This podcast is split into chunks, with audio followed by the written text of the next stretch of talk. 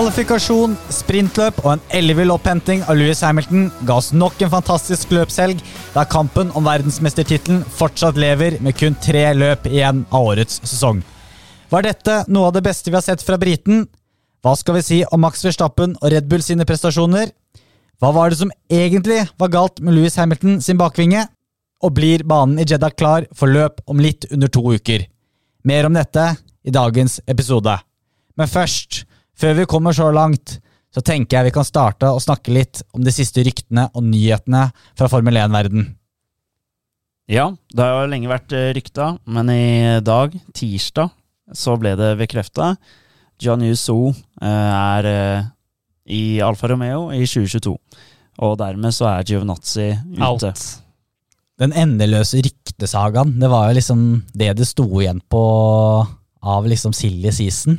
Ja, nå har vi hele griden. Ja, det tok sin tid, men uh, endelig kom Alfa Romeo. Hva har dette her å si for Alfa Romeo? En kineser som kommer inn med nye penger. De får inn uh, et eh, ganske bra talent fra alpin, faktisk. Kan bidra med 30 millioner euro, uh, ryktes det om. Pluss masse interesse fra et stort land. Så er han bare 22 år, så han er jo ung. Ja, og han har tre sesonger bak seg i ja, Formel 2. Så han har jo opparbeidet seg ganske bra med erfaring fra formelbil. Mm. Og prestert på et bra nivå i Formel 2. Ja, altså, han er ikke Han er ikke Callum Islet eller uh, Landon Norris eller George Russell, men han er uh, Han er jo omtrent som Ja, omtrent massepinn-nivå, bare med litt mer erfaring. Ja. Litt mer erfaring. Jeg tror han skal klare å matche Bottas, eller i hvert fall være en bra eh, sparringspartner og en andrefører. Han har jo en god mentor, i hvert fall. Ja, og så Han er jo ikke like løs kanon som Nikita Mas Maspin også, så det, det hjelper jo kanskje litt, det. Ja, men han føyer seg litt i den rekka av, uh, av Maspin, Latifi uh, Altså førere som har mye ressurser, uh, og så har noe å bevise. Men altså, han vil jo alltid være kinesisk, så, så det der Han kan fort komme seg over på et annet lag, men han går inn i en veldig kritisk sesong, da. For det er en han, uh, han må levere. Det, jeg tror ikke han, han må levere første sesongen sin i Alfa 3. Hvis ikke mm. er det andre førere som står og banker på det. Tror du virkelig det? De, ja. de sikter jo litt også på Theo Porcher, men han har jo sin første sesong i Formel 2 i år. Uh, men igjen, da. Han, han, har ressurser bak seg. da.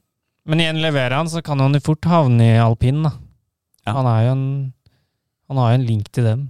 Ja, apropos nyheter og silly season. Det ble jo bekrefta i dag at Oscar Piastri er da eh, tredjefører for alpin fra neste år. Plaster på såret, kan man kalle det. Altså, nå er jo ikke Formel 2 avgjort ennå, men jeg syns jo egentlig litt synd på gutten. Så bra han har levert, og så ender han bare kun som reservefører.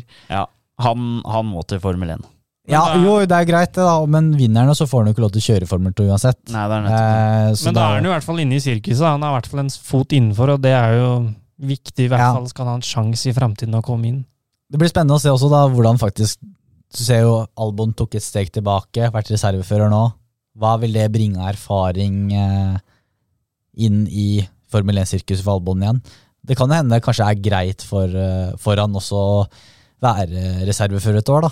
Og komme litt roligere inn i sirkuset. Det er sant, det. For han ø, vant jo Formel 3 på første forsøk, vel, og vant ja, ser ut til å kanskje kunne vinne Formel 2 på første forsøk. Har ganske. God, god ledelse, i hvert fall.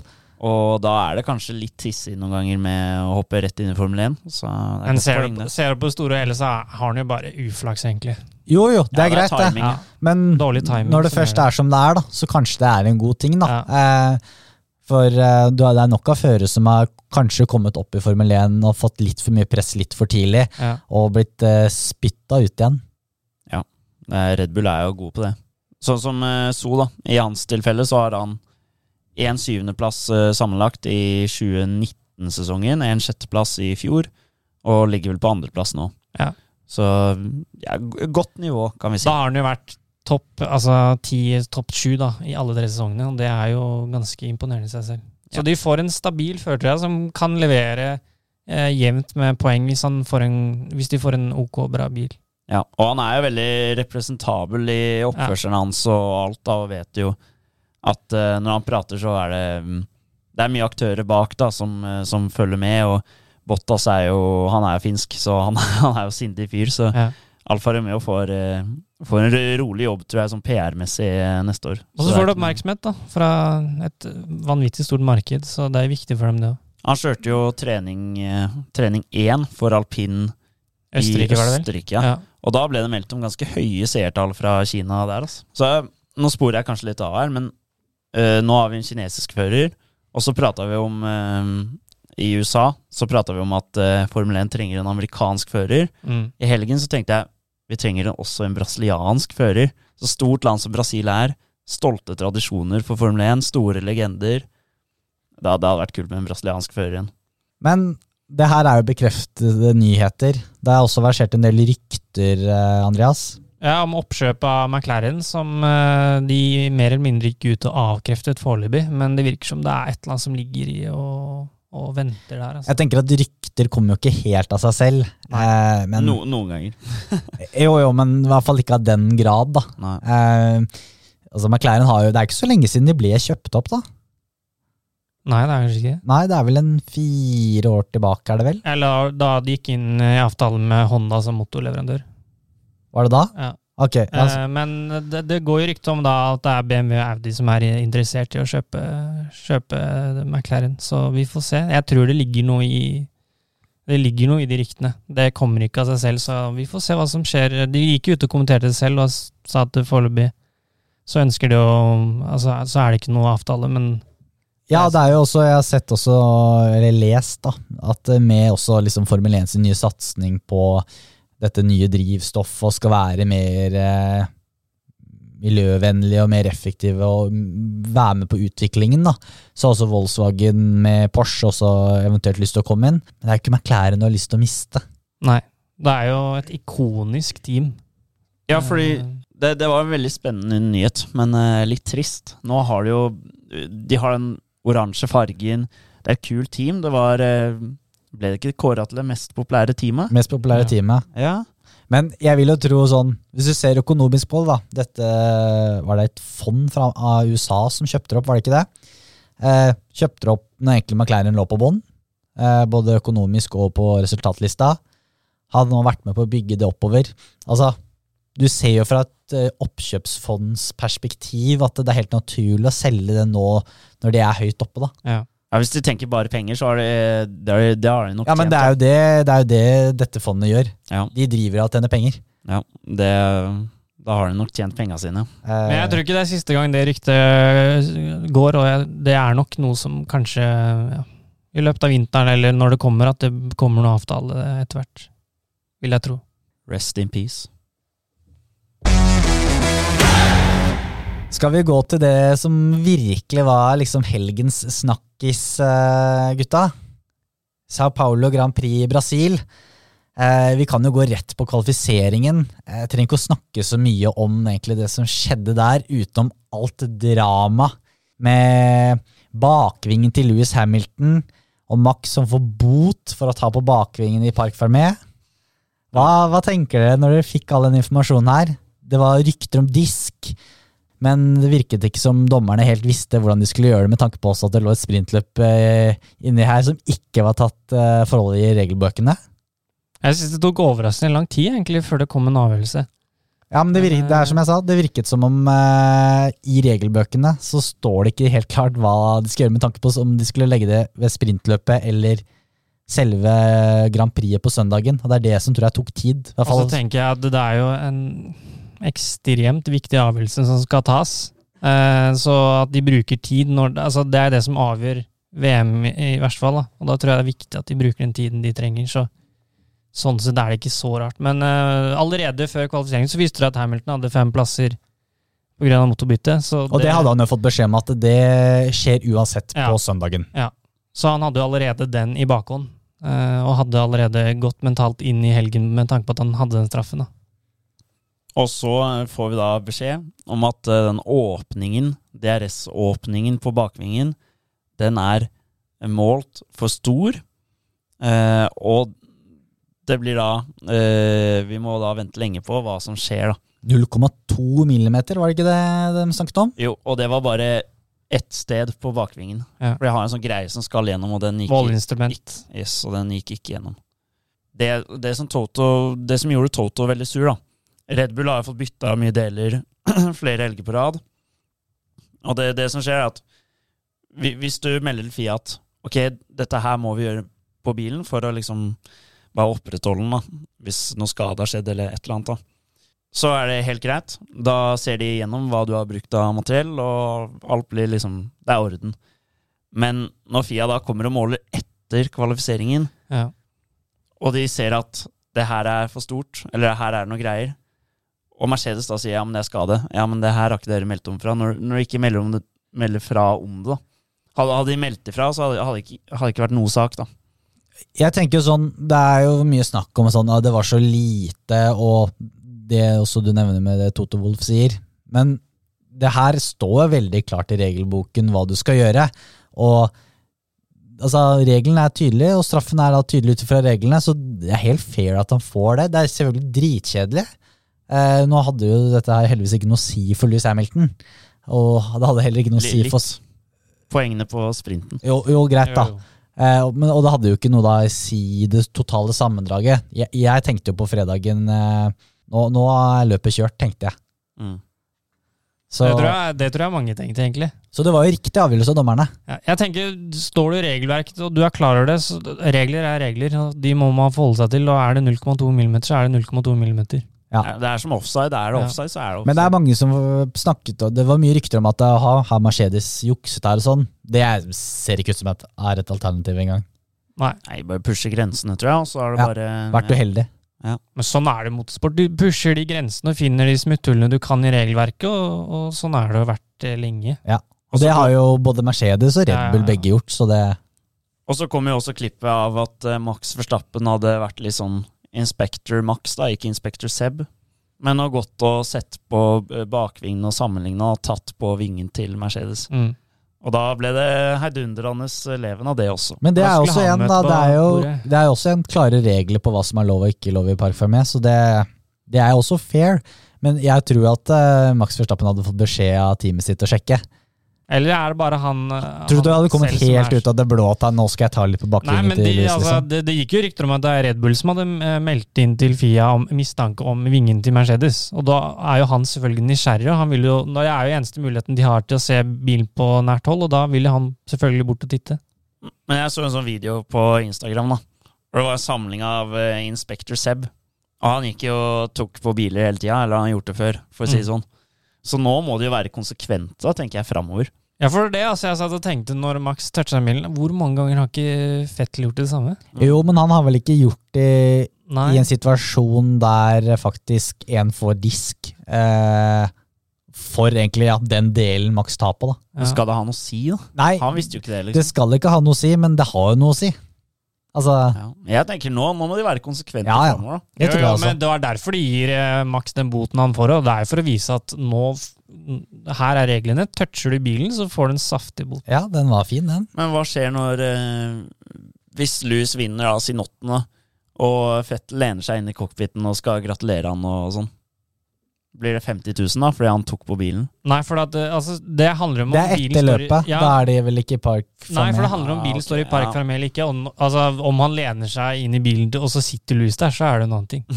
Det er en annen ting. Ja. Men uh, Det er når bilen står i park fremme, og ingen skal røre bilen, til og med mekanikerne, og så går du bort og toucher bilen. Men det, det har blitt gjort før. Og Max Verstappen han, han tok så vidt på den vingen. Jeg er helt enig. Men jeg, jeg tror også de måtte sette et standpunkt ut ifra at også Hamilton fikk disk, da. Skal jeg love deg. Hvis eh, Max ikke har fått bot, da hadde Mercedes uh, mista det totalt. Tenk det julebordet til Fia.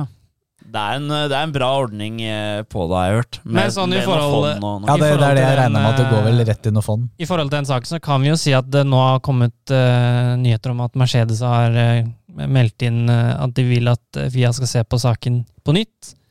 Og det er tydelig for at eh, de mener at det har fremkommet noen nye beviser, da, så vi får se.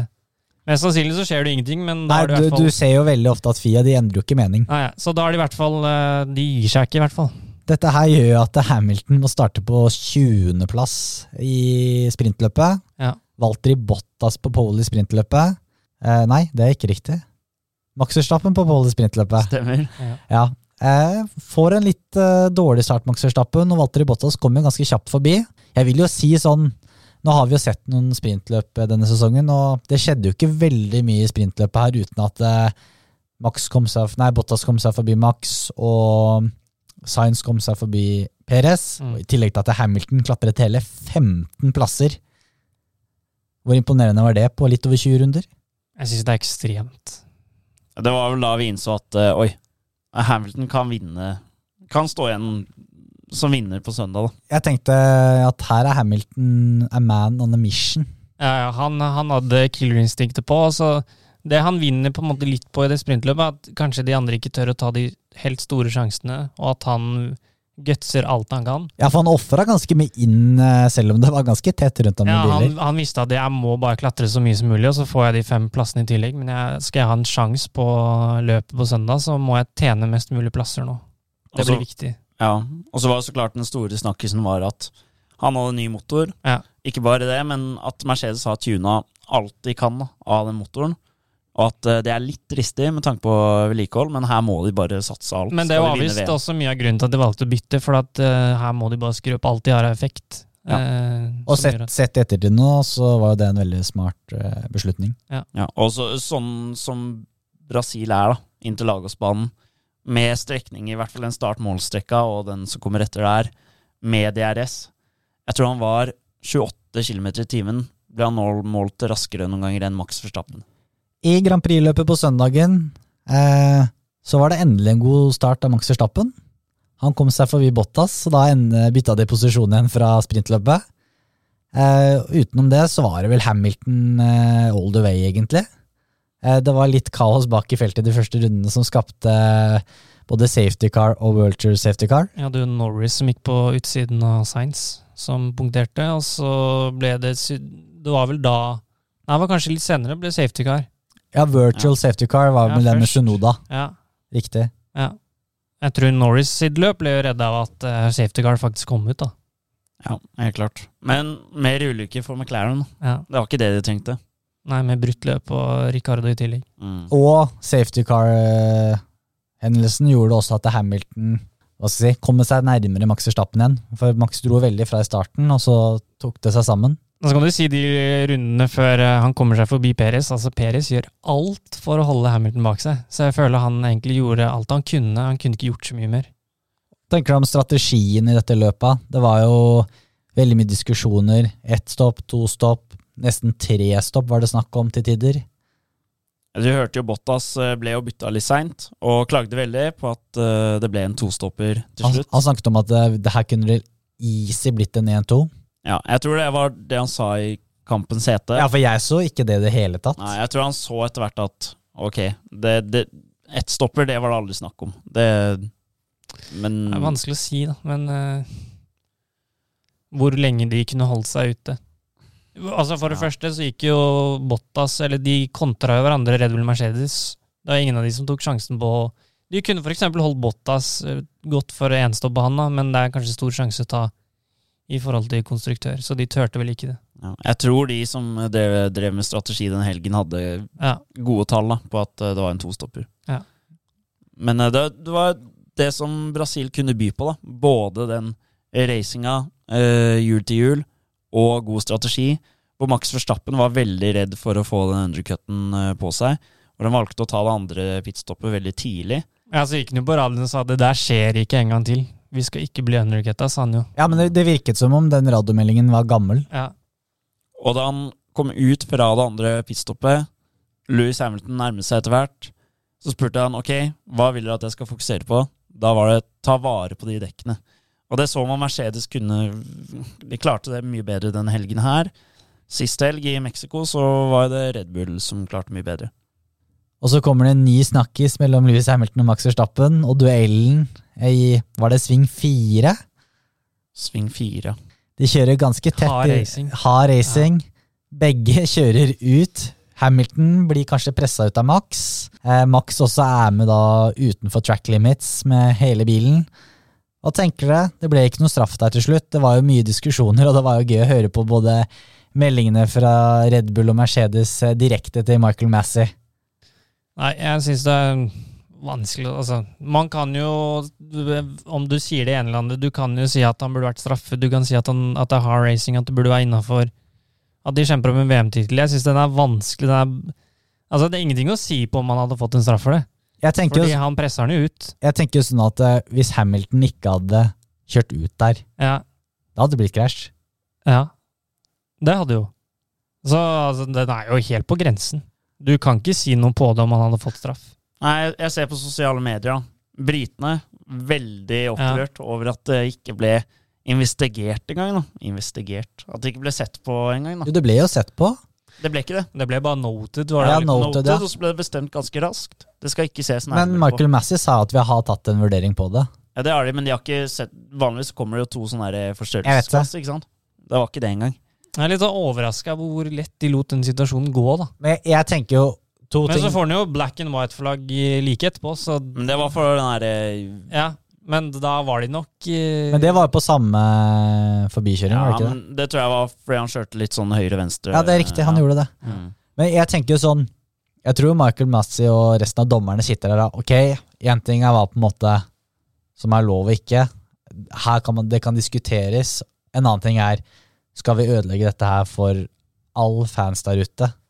Altså, de må tenke det, ja, basert på altså, beslutningen. Hver avgjørelse de tar nå mellom de to, er jo helt avgjørende. Og så tror jeg jeg tenkte sånn ja, Kanskje de tenkte at ah, Hamilton ser jo ekstremt rask ut. På et eller annet tidspunkt så kommer han seg forbi. Det vet man Ja. ikke. Altså Hadde det fort bli, hadde det blitt krasj, så hadde det vært stor sannsynlighet at sannsynligvis Verstappen hadde fått uh, straff. Ja. Eh, fordi det var på en måte han som pusha ut. Men siden det ikke skjedde noe, eh, så tror jeg de valgte at ok, racing incident det er på en måte det som er best for fansen og best for sporten. Ja, altså jeg tror jeg skal være sånn 100% Jeg tror det som er viktig nå, de tre siste løpene, at hvis det er noe 100% tydelig feil, så tror jeg de skal straffe det. Og så får de heller på en måte la den racinga på en måte gå litt foran. Ja, for Så lenge det ikke skjer noe, så tror jeg de er redde rett og slett for å gjøre noe, med Ja, mindre så det ikke får de er heller la de to gutta ordne opp mellom seg selv. Det er en sånn fin balansegang da mellom eh, det han i Red Bull sa, let them race, og så det at liksom Skal det ikke være lov da å gjøre bra move på ytteren? For det fikk jo ikke Louis Hamilton lov til, og så var det mange som på en måte Ja, men Verstappen var jo klart først inn i svingen, men det var han jo bare fordi han hadde altfor høy fart. Han hadde jo ingen intensjon om å holde Nei, seg inne på banen her. igjen sånn som du så i Mexico, han bremser seint. Ja, og, og denne gangen da, så kommer jo Louis Hamilton opp på siden, til og med kanskje bitte litt forbi. Men så er jo Max først inn i svingen, fordi han har jo altfor høy fart. Så Ja. altså, Nei, men han har, han har tankegang, Max må jo ha tankegangen. Ok, jeg bremser seint, og worst case så krasjer vi. Da krasjer vi begge. Ja. Og han vet at utafor der så er det ikke grus. Det går fint an å bare kjøre ut av svingen og kjøre inn igjen. Og det vil jeg si, det må jo ha mye å si for beslutningen Masi og K også gjør, da. Ja, Ja. men det skal ikke ha det. Det skal ikke være noe altså, Det skal bare være dømt etter manøveren, og ikke, ikke eh, etterfølgende. Ja, Men det er det det, er det de ikke gjør, vet du. Ja, det er det det ikke gjør. Det er det, det er det vi har sagt hele sesongen, da. Vi har diskutert det her siden første episoden vår, da Albon og ble kjørt ut av uh, Hamilton. Så klart litt forskjellige situasjoner. da. Og vi hadde Perez og Norris i Østerrike i år. Vi hadde Max og Louis igjen i, i Silverstone. Det er litt likheter der. Jeg mener om Ja, men det er utrolig mange ting som spiller inn. Da. Hadde dette her Si det hadde, her hadde vært mellom eh, Kimi og Alonso, da. Ta et eksempel. Ja, ja. Det har ikke noe betydning på Nei, du, må, sammendraget. du må ta det noe i settinga, og Ja. det er de to største som Ikke er der. Men hadde det vært de to, da, og det ikke har noen betydning i sammendraget, Så blir det straff. da blir det straff. Det er jeg helt sikker på. Jeg syns det skulle blitt sett på, i hvert fall. Og så får man stole på dommerne, at de har sett på denne hendelsen. De har jo racinglinjen, de har alt av data, så får de dømme etter regelboka. Men for meg, da, så det er sånn Det er en sånn fin balansegang. Akkurat der og da så var jeg glad for at det ikke ble straff, for da hadde jo løpet vært over. Ja, altså Jeg som fans syns jo det er racing incident, eh, men altså sånn, skal du følge boka, så er det vel kanskje en liten straff på Verstappen. Ja. Men det er kanskje, ikke sant? Det er det, er det som er Den er, vanskelig. den er vanskelig uansett, og konsekvensene for de straffene de gir nå, blir så store. Så da tenker jeg heller på sånn som dette her er det bedre å si ok, det er race incident, og så Selvfølgelig hadde det gått utover noen ordentlig, så kunne man heller gitt en straff, da. ja. Ja. Men det er, det er sånn det ikke skal dømmes, da, egentlig. Jeg, jeg, ser, jeg ser tankegangen, men det, blir- det blir jo det. Ja, ja. Ja. Fordi ting har, det er så konsekvenser, da. Og så blir det litt annerledes med tanke på den straffen Hamilton fikk med vingen. altså Der er det svart på hvitt, der står det i regelbokene, mens den der kan jo tolkes på så mange mulige måter. Mm. Og da er det vanskelig å straffe òg. Det er ikke lett, det der. Nei, det er vanskelig.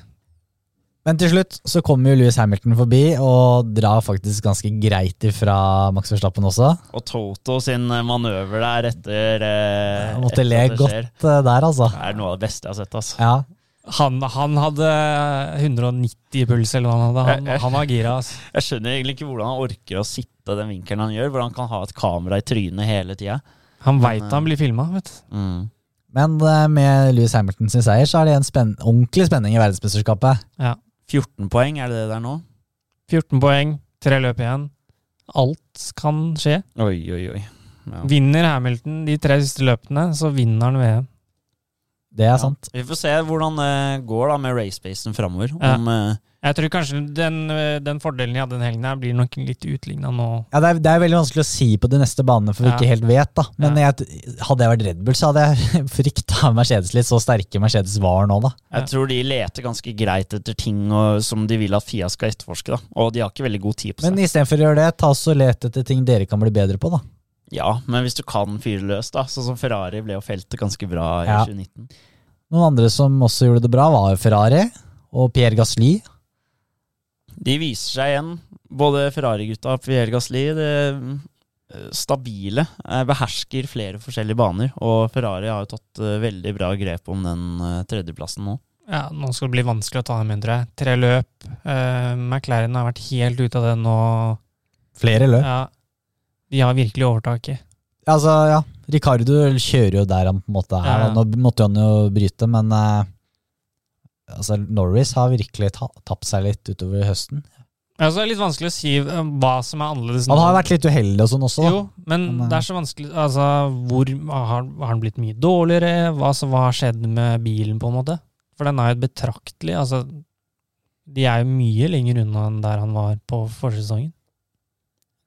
Ja, det er vanskelig å si for oss eh, fans. Ja. Men eh, kanskje Ferrari har brukt eh, erfaringen sin da, til å gjøre forbedringer på den bilen uten å komme med nye oppgraderinger.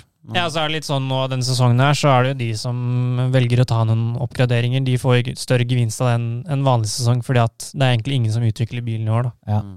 Og så vil jeg også si sånn, selv om Carlos Sainz kjørte også veldig stabilt på våren, da, Ja. så kjører han jo enda bedre nå. Du ser jo også de kampene som kanskje ikke gikk i hans favør høyt oppe, da.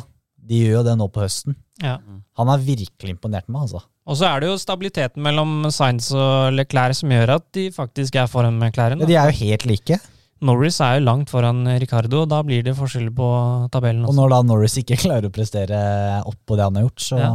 Det blir litt som uh, Alfa Taure, da. Hvis Gasli ikke hadde prestert, så hadde jo de slitt voldsomt. Jeg er enig med deg, Nerstad, når du nevner Carlos Sainz. Eh, Jeg hørte jo på den her Beyond the Grid-podkasten Ja. med Charles Clair, og han sier at de møtene, de briefing-møtene, har blitt mye lenger med Carlos Sainz. da. At Mm. han, Og ingeniørene i Ferrari sier han, han er praktisk talt ingeniør da, i hvordan han er med oppsett. og Det er et godt tegn, da. sånt, ja. Det er litt sånn som egentlig Michael Schumacher var under hans tid i Ferrari Også, det. Ja, det er derfor han har klart å utligne Leclerc. da. Og vi har prata, mye om i fjor, da. Jeg husker ikke, var det tredje eller fjerdeplass han fikk i Sakir? Det var, det var nesten bare rettstykker i den Ferrari med den dårlige motoren. Og jeg tenkte, er Tenker du Leclerc? Leclerc, ja. Ja. Er det mulig, det han driver med i den eh, Ferrarien, og så klarer Carlos Sainz å utligne han? Det er helt utrolig. Men nå er Ferrarien bedre i år enn i fjor, da. De er bedre, men han er like god som Charles Leclerc. Ja. Det er han, helt- helt han, utrolig. Leclerc overpresterte i fjor. Ja. Nei, det er helt utrolig. det, det lover jo veldig, veldig godt for Ferrari når de går inn i en uh, ny sesong, da. Mm. Skal vi med da helgens eh, resultat gå videre til vår egen power ranking? Der vi kårer eh, helgens beste førerprestasjon. Skal jeg starte kanskje med å gi tre stjerner eh, denne gang? Gjør det. Hvem gir du tre stjerner til, neste gang? Jeg gir til Louis Hamilton. Ja, det gjør jeg òg. Enig. Det er eh, den mest klink tre stjerner jeg tror jeg har gitt. Kunne gitt han fem, kunne gitt han ti. Ja. Det er overlegent. Vi får jo litt kritikk noen ganger fordi vi hyller han litt for mye, mener noen. Jeg Men- syns vi ikke gjør det. Nei, hva skal man gjøre på den, eh, etter den helgen her, da? Herregud. Altså, han, han leder ikke powerrankingen vår. Eh, det gjør han ikke. Nei. Når du ser den helgen her, det er ikke tvil om hvem som skulle ha de stjernene. Han Sånn som Norris, han sa jo det at eh, Hamilton er på en helt annen planet, det han det holder på med. Og altså, se hvor mange ganger eh, eksempel Bottas da, har starta bak. Hvis Bottas hadde starta bakerst i sprintløpet, han hadde ikke vært i nærheten av å hente 15 plasser. Nei. Skal jo sies, Jeg syns også Bottas kjørte bra, bra i Ja, helgen, han altså. men. Hamilton var utenomjordisk. Og så var det ikke litt gøy å se, fordi uansett hvor vi er i verden, i hvert fall i Europa, så er jo Max Verstappen den store stjerna. Ja. Men Louis Hamilton var veldig stor i Brasil. Du vet du, Det var fint å se. Han var jo kongen av Brasil. Da. Det var veldig fint å se. Uh, og jeg tror det ligger litt i genet til Brasil, med Ayrton Senna, de store legender i fotball. De liksom, det er de største stjernene. De, Ja. har, de har det i genet sitt. Mens kanskje vi i Europa har litt mer sånn underdoggen. da. Ja. Og så syns jeg også sånn I de siste løpene så har Hamilton gjort sykt mye ut av de mulighetene han har hatt med bilen. da eh, Så det er gøy å se at han nå virkelig stepper opp igjen. Da. Ja, ser når kommer- det er jo en stund siden han har vært på toppen av pallen. Ja, altså Når han først kommer seg forbi Max, så knuser han jo Max.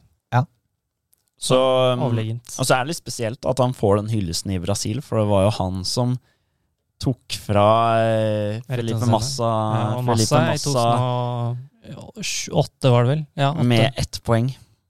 Så i Brasil, Ja, på siste siste løp, sving. siste runde. Ja, Og så får han den hyllesten av eh, brasilianske publikum nå, da. Men det er gøy. Så tre stjerner var klink. To stjerner. Kanskje litt mer usikkerhet eh, hvem vi går for der, men eh, Andreas? Eh, jeg er inne til eh, Max. Jeg var litt usikker på den, men det, det må nesten bli maks. Jeg klarer ikke å komme unna det. Men har du noen andre, eller? Ja. Ja, Pierre Gasly. ja det var han jeg ville gi tre stjerner til eh, forrige gang. Ja. Han mener jeg fortsatt skulle ha tre stjerner. Ja. Nei, grunnen til at jeg gir det er et, eller to stjerner til Pierre Gasly, er fordi han kjører et uh, bra kvalik, bra sprintløp. Litt uheldig i løpet noen steder, men overall en sykt bra helg eh, fra han i Alfa Taurin.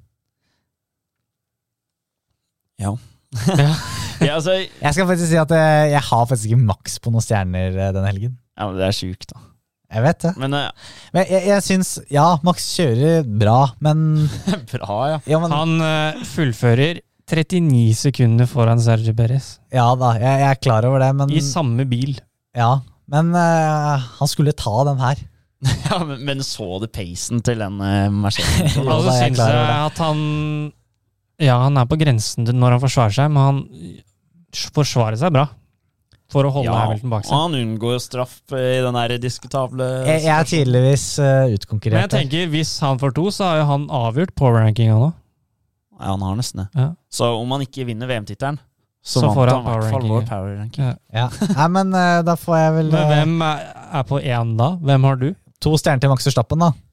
Da sier vi det. Ok? Ja. Én stjerne. Jeg syns den var litt tvilsom. Jeg sto mellom Pierre Gasli og Charles Leclerc. Endte Mm. opp med sistnevnte. Leclerc? Ja. Det er jeg òg. Ja, nei, jeg hadde jo Carlos Sainz for én stjerne, faktisk. Eh, Grunnen til at jeg tok Leclerc, var at den helgen her så tok han jo sin Altså, det er eh, tiende gangen i år han har fullført topp fem. Ja. Det er sterkt. Ja.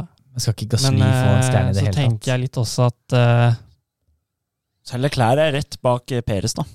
I mål. Ja, han er Det er, det. er ganske sterkt, altså. ja. Ja.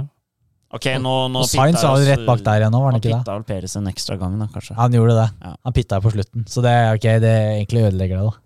Altså, jeg er Per Gasly, da. Jeg syns den er vanskelig. Men uh, jeg syns jo Pierre Gasli skulle hatt tre stjerner sist gang. Ja. Så hvis jeg er enig med deg nå, Nerstad, så får jeg den stjerna jeg mener jeg skulle hatt forrige uke. Ja. Ja, så tenker jeg at uh, sånn som man har sett de siste løpene, så har jo Ferrari en bedre bil. Ja, men jeg må si, jeg syns det er vondt å ikke gi en av Ferrari-gutta en stjerne. Men det er litt sånn, vi har bare tre stjerner å gi ut. Hva er det Gassi ble i løpet? Sju? Sju, ja. Ja. Og at man bare Han får en sjuendeplass, og man står igjen med Ja, det er bra helg av, Gasli, da. Man kom på fjerde til sprintløpet. Det, Ja. ja, men skal vi gi Gasli Jeg er med på det. stjerna? Ja, vi gir til Gasli. Ja. Så tre stjerner til uh, sir Louis Hamilton, to til Max Verstappen og én til Pierre Gasli. Gasly. Gasly. Sammendrag, Jakob. Med tre løp igjen, Yes. hvordan ligger det an? Max Verstappen er da 14 poeng foran Louis Hamilton. Tredjeplassen er til Walter Walter Bottas med 203 poeng. Fjerdeplass Sergio Perez med 178. Landon Norris har jo dette ned eh, på en ganske klar femteplass. 151 poeng. Charles Leclerc er, Charles Leclerc er rett bak, faktisk, med 148 poeng. Og Carlos Sainz med 139,5. Spørsmålet er egentlig om uh, Gasly kan bikke 100 poeng. Tror du han klarer det? Kanskje det? Han er ikke så langt unna. Hvor mange hadde han igjen? Han har vel nå 82 eller et eller annet sånt. Burde gå det, da. Ja, han har 92. 92, ja. Ja, da klarer da han klarer han det. Ja. Det er sykt. Det er sterkt. Ja, Ja, det er sykt. Han har jo bare McLaren, eh, Og Ferrari, Ferrari, og Mercedes ja, Red Bull. foran eh, seg. Ja. Ja, det er vilt. I konstruktørmesterskapet så har vi da Mercedes, som har tatt et bra grep med 521,5 poeng. Red Bull har 510,5. Ferrari 287,5 eh, poeng. McLaren på fjerdeplass med 256. Alpin og Alfa Tauri har jo like mange poeng denne, etter denne helgen også. 112 poeng hver på femte- og sjetteplass. Det er jo resultatene det kan som mer at det er der. Det er helt rått. Det er, nå begynner det å bli mer mer kampen mellom alpinen og Alfa Tauri, da, og førsteplassen i konstruktør som er spennende. da. Tredjeplassen begynner jo å bli mer og mer eh, satt. Ja. Og det er mye penger som det står om, så ja. Nei, Det blir eh, spennende med de tre siste løpene, den som tar både verdensmestertittelen og konstruktørmesterskapet. Jeg tenker Siden vi har eh, nå hatt tre sprintløp denne sesongen, så tenker jeg vi kan ta og snakke litt om ja, hva er det vi tenker. Er dette her noe vi syns bør være med videre? Ryktene sier at det skal være med videre. Og ryktene sier vel opp mot i hvert fall seks. Ja, det har jo Det er jo ikke bare rykter. Eh, Ross Ja. har vel sagt seks, og så var det vel Stefano Jeg tviler på at det blir så mye mer. Ja, han ja. Uh, Liberty Media-sjefen, eller Formel 1-sjefen, da, eh, Stefano Domenicali, sa 7-8 i høst. Tidligere i høst, men vi får se. Jeg må jo personlig si at etter et fantastisk sprintløp på Silverstone, så syns jeg ikke de to siste har vært like bra. Nei. Jeg tror det er på en måte Ja. Du har, du har ikke det der strategiske som du har i vanlig løp, da. Nei, også på Silverstone så vi jo faktisk at førerne virkelig ofra og faktisk kjørte forbi hverandre. Det har de ikke gjort de to siste løpene. Nei, Altså, du ser i Se bort fra starten da, med eh, Bottas og Sainz og Hamilton. ja, så er det egentlig ikke noe annet som skjer. Nei. Men det er fordi at mange av de er redd for å ødelegge løpet. Og det skjønner jeg. Og Det, det er det. teller jo mer altså Det er jo bare de tre beste som får gevinst for det sprintløpet uansett, og da er du nummer sju, åtte, fire, fem, da, så gidder du ikke å ofre den plassen for startgriden dagen etter. Og det er jo derfor noen mener at uh, sprintkvalifisering, eller sprintløp, da, som de vil ha det til, skal være sitt helt eget. At det skal ikke være en del av kvalifiseringen. Ja. Men eh, ja. Det, det er litt sånn derre Kunne gitt det flere poeng, da. Jeg tror det kunne vært en løsning, da. Altså Gi førsteplassen ti poeng, for eksempel. Da. Ja, det Ja. blir litt mer å kjøre for, i hvert fall. Og så får du enda litt eh, lenger ned på resultatlista med poeng. mm. Fordi jeg, jeg, jeg er enig i at eh, Formel 1 bør gjøre noe sånn at det blir mer intense og spennende helger gjennom hele. Eh, fantastisk å ha kvalifisering på fredager og sånne ting, men jeg syns ikke sprintløpet i den formen det er nå, i hvert fall funker optimalt. da. Nei, Jeg, jeg syns fansen virker litt skeptiske til det. Formel 1, veldig positive. Ross Brown og, og sjefen sjøl, de elsker det, sier de. Og de syns at uh, Formel 1 må fortsette å utvikle seg og heller gå den veien. Da. Jeg tenker sånn Det er veldig stor fordel for fansen som faktisk er der. da. Tenk om du får en hel racehelg. Ja, du får jo maks ut av valuta for pengene, da. Men da er det kanskje også veien å gå med da mer poeng, da. Altså det, det er mer verdt da, å ofre for. Ja, for jeg synes det blir for li Du kunne i hvert fall gitt poeng til topp fem, da. Én ting er jo toppen, men også midtfeltet. Hvis Ja. midtfeltet kan krige om poeng, da, Ja. så vil jo det være en veldig fordel å kunne For krige. eksempel krige Krig om det her, da hadde du hatt uh, poeng som Ferrari og McLaren kunne kjempe om, så hadde de Kjørt mye hardere i det sprintløpet. Alpin Alfa Tauri òg. Ja. Nei, jeg, jeg tror kanskje det kan være en løsning. Gi mer poeng i sprintløpet. Det må være mer verdi å Ja. pushe for gutta, Ja. rett og slett. Fordelen er jo Ja, fordelen er at du får ikke de der tre treningene som kan være litt døve. Hvor eh, Jeg syns trening tre det blir sånn åh, kjedelig. Ja. De kan egentlig ikke endre noe på bilen, så de prøver bare å finne ut av hva slags dekk de skal bruke til løpet. Jeg er enig. Altså, jeg, det er som jeg sa, helt enig i at de må gjøre noe for at det skal bli mer intenst og mer spennende hele tiden. Eh, men de må nok modernisere sprintløpet enda mer. ja. Det er jo litt sånn vi vi mennesker har blitt òg, da. Vi vil ha input eh, liksom sånn. Vi Men kan du ikke heller ha trening 1, trening 2, eh, kvalik, sprintkvalik og altså, på en annen Altså, jeg syns den treningen 3 ble bare idiotisk. Ja, kanskje det. Men du vil jo, da vil du jo kanskje prøve litt hotlaps eh, på trening én, da. Og så på trening to før sprintkvalik. Ja, for trening én 1 nå handla jo sånn bare om å sette raske tider til sprintkvaliken. Ja, det vil jo det. Og så bruker du trening to til Men det eh, er jo runs, gøy, det, da. Jo, jo. Men da trening 2 blir jo liksom Hva skal du bruke trening 2 til? Det blir long runs, da. Ja. Ja, Men det er kjedelig å se på. Jo, men da får du istedenfor tre Ja, treninger, så får du to, bare to, Men da. det som har vært bra i år, er at de har korta ned treningene til én timer. Ja, helt enig. Ja, det er bra. Neste løp begynner allerede om fire dager, når vi sitter her og prater. Altså neste løpshelg. Qatar Grand Prix. Første gang det skal kjøres eh, i Qatar, eh, Jakob. Eh, På en bane som vanligvis kjøres MotoGP på. Ja, de kjørte her første gang i 2004, så denne banen er jo aldri brukt til Formel 1. De har ikke noe data fra den, noen av de. 57 runder skal de kjøre der. 5,38 km. Jeg syns det er litt vanskelig å bedømme hvem som kommer til å være best her. Det er ikke veldig mye rettstrekker her. Det er én start-mål-strekke, og så er det mye svinger egentlig hele veien. Det første jeg tenker, er hvor skal du kjøre forbi? Ja, det er også, tenker jeg også, det er, blir Sving 1 ser egentlig ut som det beste alternativet. Ellers så ser det fryktelig vanskelig ut, da. I hvert fall de raskeste bilene. Ja, det er nok en Så- grunn til at jeg ikke har brukt den her før, men uh, Det ser ikke ut som det blir voldsomt mye forbikjøring. Kvalifisering blir viktig, Ja. sannsynligvis. Ja. Nei, vi går jo inn i tre uh, Midtøsten-løp nå, da, på slutten. Så Men jeg tror av de tre som står igjen, så er nok den, den banen her som passer best til Red Bull. Jeg tror de andre favoriserer Mercedes litt mer. Så jeg tror eh, eh, Red Bull kan bli Eller favoriserer dem, i hvert fall. Ut ifra Nå aner man jo ikke, men i hvert fall sånn man ser på layouten. da. ja, når man ser på Jeddah, da. eh, de har gitt ut en sånn simulering, eller sånn spillvideo, da. Der kommer det til å gå fort. nå. Der kommer det til å gå fort. Og med den pacen Hamilton hadde i helgen Ja, ja, det, det ser Hvis de har den på Jeddah, da kan det bli farlig. ja. Vi kan jo bare gå direkte til Jeddah med en gang. Det er jo da uken etter eh, To uker etter eh, Qatar.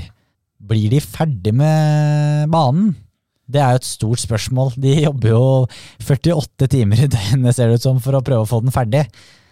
Eh, og om den i det hele tatt blir ferdig Asfalten vil jo være helt fersk. Vil det være noe grep? Ja, får håpe de har brukt litt bedre blanding enn det de gjorde i Tyrkia i fjor. Men eh, de har jo sagt at eh, de kommer til å bli ferdig, men det er, det er så vidt, altså. Det er på håret. Så de jobber jo sikkert mye om natta der, hvor mye av produksjonen er. ja, det er bare nødt til å bli ferdig. Hvis ikke, så blir det det antiklimakset, liksom. Jeg tror eh, etter, den, etter det løpet da, så tror jeg vi skal gi ros til de arbeiderne som har stått med hammeren der eh, 24-7, Ja. uten overtidstillegg. Ja, det er jo greit å ha tre treninger, i hvert fall. Altså du får kjørt inn i asfalten, for det, det kan bli Den første treningen der, de første rundene, det kan bli show. Nå er det heldigvis ikke noe farlig for regn i Jedda, da. Nei. Nei, sats på det. Jeg har prata litt sånn nedlatende om det Jeddah-løpet. Jeg må si, den banen ser jo litt rå ut, da. Den gjør jo det. Med Ja, for når du så den videoen med, altså, med en hotlap, så ser den jo egentlig ganske fett ut. Jo, så tenker jeg også, De har jo så utrolig stor tro på denne banen her, alle i, alle i Formel 1. Eh, vi må huske at én ting er jo eh, banen ut ifra bilene som er nå, men den er jo sannsynligvis også bygd for bane, nei, for bilene som kommer. Ja. Og det må vi ta i Jeg tror den kan bli veldig bra for eh, neste års biler. For Jeg syns den ser farlig ut, altså. Det kommer, å, det, ja, det kommer til å gå ekstremt. Jo, men- ja, det kommer til å smelle, ass. Men de har et utrolig stort fokus på sikkerhet òg, da. Det har de, men Formel eh, 1 fått, det, er, det er kort vei til de- de gjerdene her, altså. Ja. Men eh, ja, vi får se. Skal vi gå videre til ris og ros? Yes.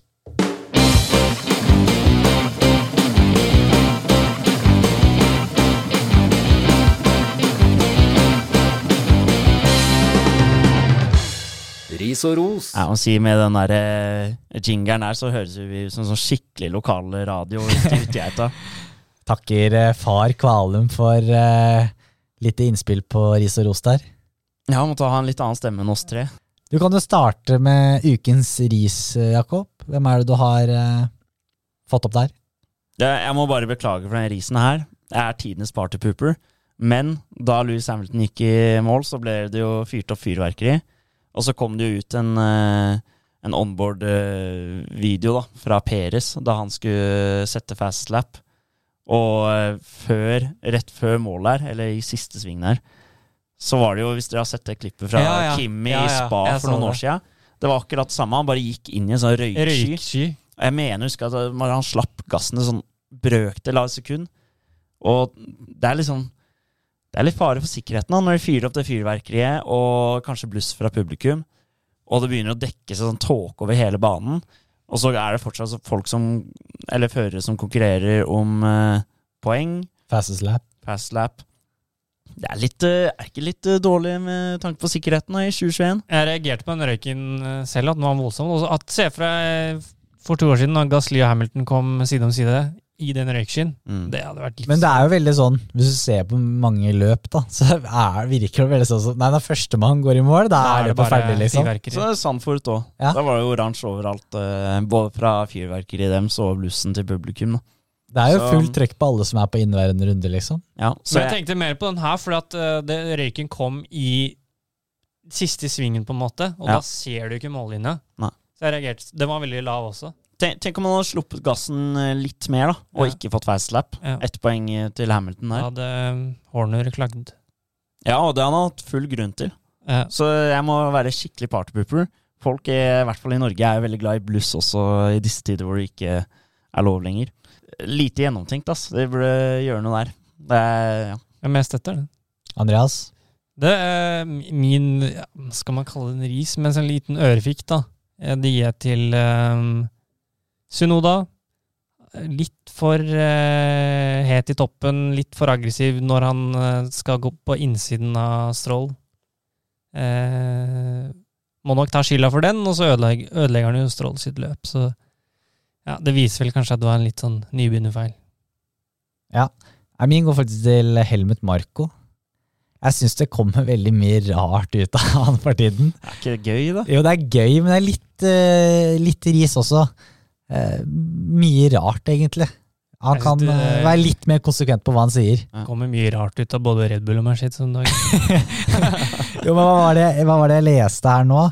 At eh, Helmut Marko nå sier at uh, Mercedes sier at Max Verstappen eh, skadet bilen hans. Ja, den så jeg også. Jeg tror noe av det rareste Helmut Marko kom med, var jo i koronatider. Hvor han bare foreslo at eh, de tok alle Red Bull-førerne med akademi og alt inn på en hytte, smitta de, og så kunne de være isolert der i noen uker, og så var de ferdig med covid. Ja. Og så sa han de er unge, spreke, de tåler helt fint. Men nå har vel jo fått fram at man kan få covid igjen, da. Ja, men det, det, det syns jeg var et morsomt forslag av eh, en, en oppe i en så høy stilling da, som Ja, jeg synes for, Han sier mye rart. Ja. Nei, det er gøy, da. Men nei, nei, jeg, må, jeg må si jeg syns din uh, ris var egentlig best, altså, Jakob. Ja. Ja. Selv om det er litt partpooper, så er det sånn det er, eh, det er faktisk et veldig godt poeng. Mm.